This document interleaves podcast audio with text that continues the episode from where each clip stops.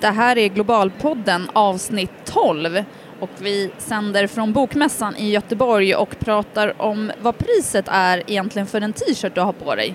Och vad händer också när textilarbetande kvinnor har mens?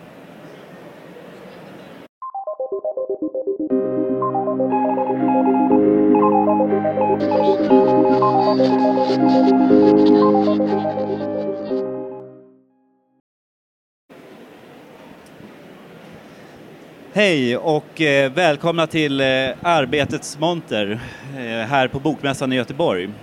Nu ska vi på Arbetet Global hålla vår tredje globalpodd här från Bokmässan. Och vi som poddar är jag, Erik Larsson, som är redaktör för Arbetet Global och min kollega Linda Flot. Yes. Jag vet inte hur du känner dig Linda, men jag börjar själv bli lite mör nu. Det har varit här ganska många dagar. Hur, hur är det med dig? Du har varit här sedan onsdags. Ja, exakt. Ja. Det, Eh, jo, det är bra. Det är, ja, jag är också lite trött, men jag åker hem ikväll. ja. Ja. Jag blir kvar någon dag, dag till sådär. Eh, alltså det har ju varit ot- otroligt mycket folk liksom som har kommit förbi montern Mm. sådär. Har du något möte som har etsat sig fast sådär när, här på...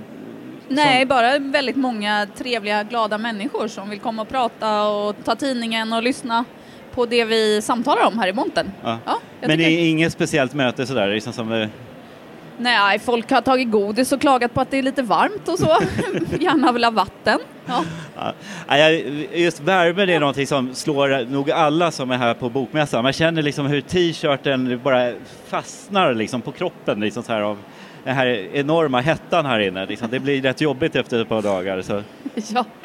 Men eh, på tal om hetta och t-shirtar så är det just det vi ska prata om då.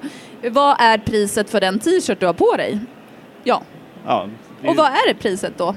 Kan man ju undra för att eh, jag tänker på till exempel den här som jag har på mig. ja, vad kostar den egentligen? Ja, den, jag tror inte att den kostade mer än 149 kronor kanske, en slags blustopp. Det är otroligt billigt för ja. en t-shirt. Ja. Och, och jag tänker på det, kläder har ju kostat ungefär detsamma. Om vi tänker på de stora kedjorna så har de kostat detsamma senaste 15 åren i princip. Ja. Alltså 79, 99, 129, 149 kronor, 199 kronor. Just vanliga priser ändå på kläder. ja, ja, det är sant. Ja, sen är frågan om vad kvaliteten på de- dessa kläder, liksom, hur de står sig förhållande till om man köper en t-shirt för 800 kronor. Men, men, ehm, men jag tänker ändå just att den här prisutvecklingen, det betyder ju att hmm, det kan inte vara så bra villkor för de som gör de här t-shirtarna. Nej, eller kläder. Men, men jag, Ja. jag tror att det är en förklaring till eh, att priserna relativt sett har sjunkit. Det är ju liksom att man har mycket effektivare maskiner. Liksom så här. Det är mycket lättare att tillverka. Liksom så här. Men det, är ju- det är ju sant att villkoren är väldigt ja, magert för de som tillverkar. Jag, jag var faktiskt i Kambodja här i mars och ap- april och eh, försökte ta reda lite grann på hur eh, textilarbetarna hade det. Liksom så här.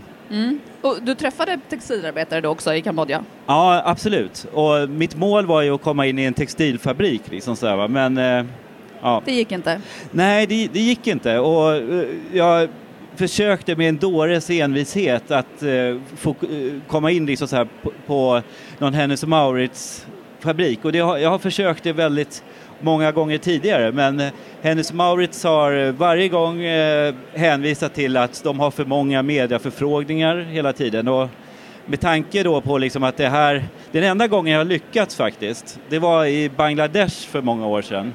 Så kom jag in på en underleverantör, men då sa jag inte att jag var journalist. Men då, Ah, okej. lyckades jag snika mig in liksom sådär. Men nu gick det inte. Alltså, varför tror du H&M är så hårda då? Varför får man inte komma in och titta på deras i deras fabriker?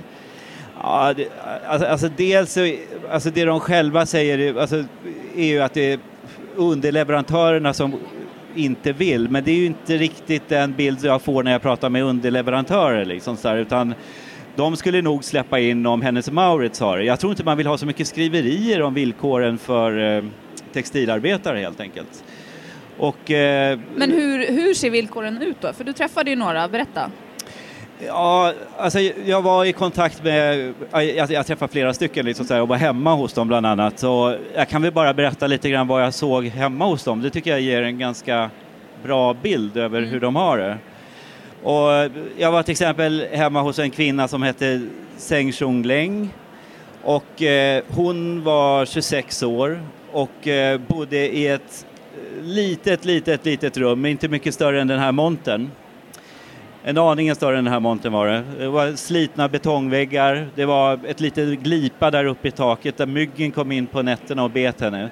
Men hon bodde inte där ensam, utan hon bodde där tillsammans med sin brorsa och eh, brorsans fru då, liksom så, här. så de sov på madrasser på golvet liksom så här. Det var otroligt spartanska förhållanden och de berättade att de hade svårt att få det att gå ihop fast de jobbade båda två. Och de jobbade för en De- underleverantör till H&M då, eller? Kläder? en av eh, Hennes Mauritz största underleverantörer faktiskt. I Phnom var det här, i huvudstaden Phnom Penh. Så. Men jag träffade många andra som hade samma villkor. Det såg ut ungefär på samma sätt liksom, hemma hos dem. Så. Ja, men hur, hur ser villkoren ut då, då? Hur mycket jobbar de och hur mycket tjänar de? Eh, det är lite olika, men en eh, vanlig lön är eh, 160, drygt 160 dollar i månaden och sen så är det en del som tjänar upp till eh, 200 dollar i månaden eller någonting sådär. Och, alltså det rör sig ungefär om eh, 1600, 2000 kronor i månaden. Mm. Men då ska man tänka också att eh, i eh, Kambodja så har man sex dagars arbetsvecka. Ja, Okej. Så att eh, du jobbar mer för eh, Och, och många, alltså fler arbetstimmar än åtta eller? Ja, det är något fler. Ja. Jag, jag tror, eller 48 timmars är arbetsveckan, så det blir Okej. ju ungefär Ja. åtta timmar. Men sen så jobbar många extra för att få det att gå ihop. Ja. Liksom sådär. Just det. Så. Men ja, för de klagar ju själva på att lönen knappt räcker till mat och husrum. Ja. Men hur ska vi då? Ska man bojkotta H&M och Zara och... Alltså det, det är ju jättesvårt. andra kedjorna. Ja, det är jättesvårt. Det är ju upp till var och en, tycker jag. Liksom så. Det, men det man kan vara medveten om, det är ju liksom att en, ena veckan så jobbar de här med att sy kläder för Hennes och Mauritz. Som t-shirtar och byxor och allt möjligt. Nästa månad så kanske man jobbar, man jobbar kvar på samma fabrik men sen så börjar man sy kläder åt ett annat företag och sen så håller du på att byta sådär. Så det finns ju egentligen ingen underleverantör som enbart, eh, det kanske finns någon, men, som igen, men de flesta underleverantörer syr kläder åt en massa olika bo- bolag och deras lön ändras ju inte på grund av vilka Nej. kläder de känner. Så, så Så- egentligen så är det företagen som då de liksom får någon slags täckmantel i och med att de byter hela tiden? Ja, så skulle man ju kunna se det, men det är ju liksom mer ett produktionssystem som har eh, byggts upp liksom, sådär, Okej. där alla stora västerländska modeföretag använder sig av eh, de här Mm. bitarna. Men om vi tar en t-shirt då, då, Ja. jag vet inte, som kostar, vi säger 100 spänn kanske? 100 kronor eller någonting. Vad, hur mycket får då den som syr den? Ja. Okej, eh, jag, jag kan visa lite grann. Jag tar fram den här t-shirten Mm. Och en sax här. Okej, ja, nu kan det bli, fa, nu kan det bli, ska jag hålla mig undan här eller? Ja, du kanske kan hålla, hålla hålla den här. mikrofonen, Ja, ja. precis. Okej, Och om man då tittar på den här t-shirten Mm. så ska jag klippa sönder den lite grann. mm. Oj, Oj. nu ska vi alltså klippa sönder en t-shirt.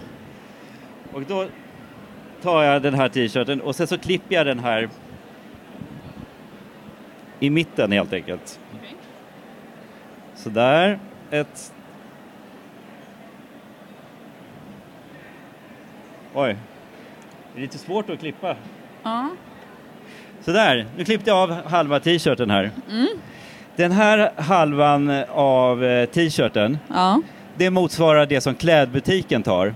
Alltså av den t-shirten så är det ungefär 50 kronor. 50 kronor får klädbutiken. 50 kronor Alltså får... företaget då? företaget, ja, H&M liksom. tar 50 kronor av 100 kronor. Ja, Ja. exakt. Okej? Så då lägger vi klädbutikens andel där. Ja. Så tar vi, har jag kvar en halv t-shirt, Ja. då tar jag en ganska stor klippning här. Mm.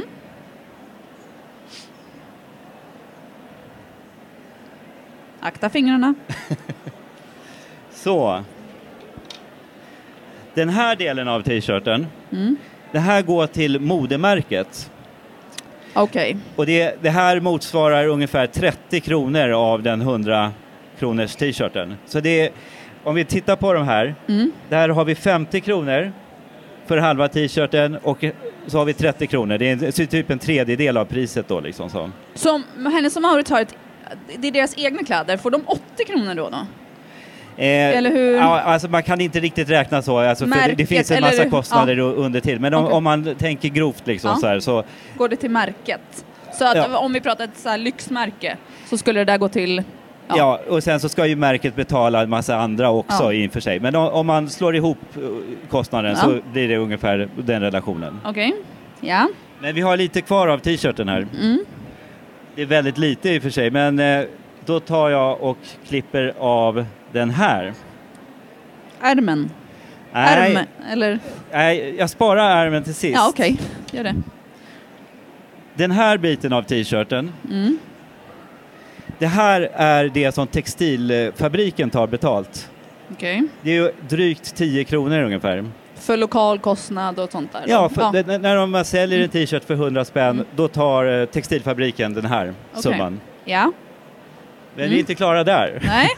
Nu har vi ärmen kvar. En ärm. En liten ärm. Ja, Precis, vi måste Mm. betona att det är en ärm också. ja en, en t-shirt-ärm. Ja. Så då klipper jag lite grann i den sådär.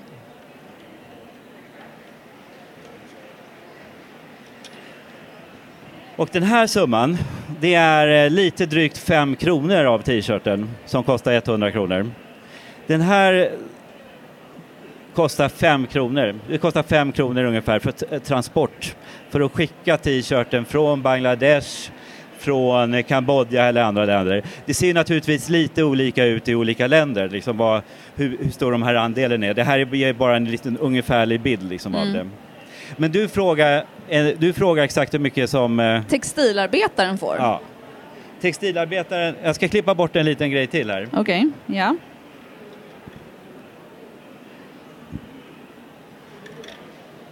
Det här är inte textilarbetarens lön. Nej, Det här är bomullsplockarens lön. okej. Jag tror att den ska till och med vara under det. Fyra öre ungefär pratar man. Okej. Ungefär. Så Det är lite olika olika länder som fyra öre av 100 kronor får bomullsplockaren? Ja, för en t-shirt alltså. Mm. Ja. Mm. Och då har vi den frågan som du, du eh, ställde. Hur Mm. mycket tjänar textilarbetaren per t-shirt? Mm. Och återigen, det varierar väldigt mycket mellan olika länder. Men mellan eh, 50 öre till 3 kronor, ibland 4 kronor. Och sen i vissa länder så är det betydligt mer naturligtvis också. Liksom. Mm. Men eh, grovt sett så är det ungefär så här klädproduktionen ser ut idag. Okej. Oh, Ja. Jag är helt färdig. Det, Nej, men bra, ganska- bra demonstrerat. Eh, tack. vi får hoppas att alla som lyssnar i efterhand kan förstå det här, eller tar fram en t-shirt hemma kanske och provar själva. ja, eh, Eh, man någon... Man kan Ja. hitta någon motsvarande bild sen på eh, Arbetet Globals hemsida. Sådär, va? Men jag blir helt slut liksom, av att hålla på och eh, klippa sådär. Liksom. Men eh, ja. jag måste hämta mig nu. Liksom, såhär. Men alltså, man kan ju bara fundera över hur trötta de textilarbetarna som har mens är. Vad sa du? Eh, Alltså de textilarbetarna som har mens, de måste ju vara extremt trötta när de jobbar. Eh, ja, jo, det, det har vi skrivit om också. Men du ska så förklara för mig hur det är att ha mens, eller? Det kanske vore lite väl mansplaining på något sätt. Liksom så här? Men eh, Ja, Va varje år så är det 800 miljoner kvinnor som har mens. Så det nej får- varje dag. varje dag är det. Inte varje år. Nej, inte varje år. Nej, var, Varje dag är det 800 miljoner Ja. kvinnor som har mens. Så det får ju minst sagt effekter på arbetslivet om man säger så. absolut, gud ja. Ehm, och för just ett stort problem som är, är väl att det är tillgången till toaletter. Och särskilt i de här textilfabrikerna då. Exakt, och det är därför eh, det saknas väldigt många toaletter i de här te- textilfabrikerna och det, här, det blir ett jättestort eh, problem liksom för dem. Så, Ja, alltså det måste man ju ha tillgång till om man, alltså för att kunna sköta hygienen under den tiden. Men, och, eh, jag läste att det är svårt för dem också att ha råd att köpa alltså bindor eller tamponger, att det inte finns heller tillgång till. ja, exakt, exakt. Men hur, ja, vad, alltså vad gör de då? Hur ska man kunna jobba?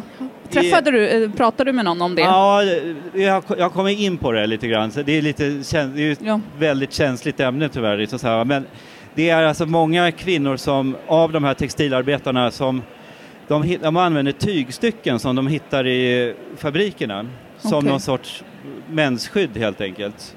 Och de här tygstyckena de ligger ju liksom på, oftast på fabriksgolvet. Och det är fullt av kemikalier, alltså det är, Det är inte bra. det är inte bra liksom så här. Det, här, det leder till eh, ja, Man kan ju hoppas att, eh, att menskopp på något sätt kan spridas eller att det skulle kunna delas ut som preventivmedel eller liknande för Ja, kvinnor i, eh, i Asien eller Afrika eller vad nu om man inte har tillgång då till Ja, ja eh, alltså det, det säger ju någonting liksom av att kanske är det priset på binder som är för höga liksom också, och det, men det säger nog också någonting om deras lön, att de Ja. inte har råd att Nej. köpa. Liksom så här, Exakt. så att- Men så- sen är det ju också tabun kring det som du nämnde, att till exempel i, det finns flera länder i Afrika, eh, där i Ghana och Etiopien, där alltså flickor inte går till skolan på grund av att de har mens. Jaha, varför då? Hur? För- Ja, för just för att de inte kan eh, liksom, byta skydd eller för att det inte finns till toaletter. Så 20 procent i dessa länder av flickorna går inte till skolan när de har mens, vilket är då en gång i månaden, eller ja, ungefär. Eh, och i, i Nepal tror jag det är ännu högre siffra och i Indien så finns det områden där 80 procent av flickor eller kvinnor inte liksom, kan. Okej, man kan ju bara tänka sig hur det på- påverkar deras framtid liksom på eh, arbetsmarknaden. Så. Absolut. Men, Men, ja. men du, jag, jag läste någon annanstans faktiskt att det finns vissa länder så har man infört så här menskontroller på fabrikerna. Vad är det för något? Inte i Kambodja där du var, men däremot i Indonesien så finns en lag att man får stanna hemma när man har mens från jobbet. Okej. Eh, vilket i och för sig är ganska, det är en ganska bra lag. Eh, jag kan tänka mig, eh, då har man mycket problem, alltså PMS-problem i Sverige. Vi pratar ju sällan om det på arbetsplatsen om man har problem. Men i Indonesien så får man alltså vara hemma om man då har liksom, ja, värk eller ja, kraftiga blödningar. Men för att bevisa detta då så finns det kontrollanter Okej. vid textilfabrikerna som gör en koll om man har mens eller inte. Ja. Och det kanske inte är så kul. Nej, det, det, Jag lå- jag det, lå- det jag- låter inte bra. Jag skulle inte gärna liksom dra ner byxorna och visa upp så här för en manlig kontrollant. Jag vet inte om, om det finns kvinnliga kontrollanter eller om det bara är manliga, men liksom, oavsett så känns det inte så Ja. fräscht. Verkar jobbigt. Eh, japp. Ja. Eller sku, vad, vad skulle du säga om du var tvungen att... Eh, Jag vet inte vad jag skulle säga. Jag skulle inte vilja vara med om det i alla fall. Verkligen inte. Liksom så. Nej. Nej. Men vad tror du man kan, alltså hur är det? Just det, en sak som jag tänkte på, det är ju att det är fler i världen som har tillgång till en mobiltelefon än en toalett. Okej. Alltså det är ju ett uppenbart arbetsproblem. ja. arbetsmiljöproblem. Alltså för att liksom kan du, du kan ringa men du kan inte gå på toaletten om du ska gå i skolan eller gå på jobbet. Alltså hur ska vi då få ut fler kvinnor i arbetslivet och hur ska vi då liksom Ja. Men kunna... frågan är va- varför det har blivit så tyst om det? Liksom så här, var- varför är det inte det är en fråga som tas upp? Liksom. Vad, Ja. vad tror du? Jag vet inte. Vad Vi kanske du? ska börja prata mer om mens på våra arbetsplatser eller någonting. Göra Ja. ja. någonting naturligt. liksom. Absolut. Ja, men väl överhuvudtaget bara kunna gå på toaletten. Prata mer om att gå på toaletten. prata mer om att gå på toaletten. Men det kanske får bli en, en, en annan podd. Ja, jag, Ja, jag, jag, jag tror tror- att det är bäst vi Ja. stannar där. Nej, men äh, äh, problemet med liksom, hygien Ja, som arbetsmiljöproblem Okej, på världens arbetsmarknader. ja.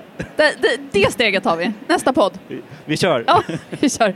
Bra, men då tackar vi för oss härifrån Ja, idag. Ja, tack. Tack, tack.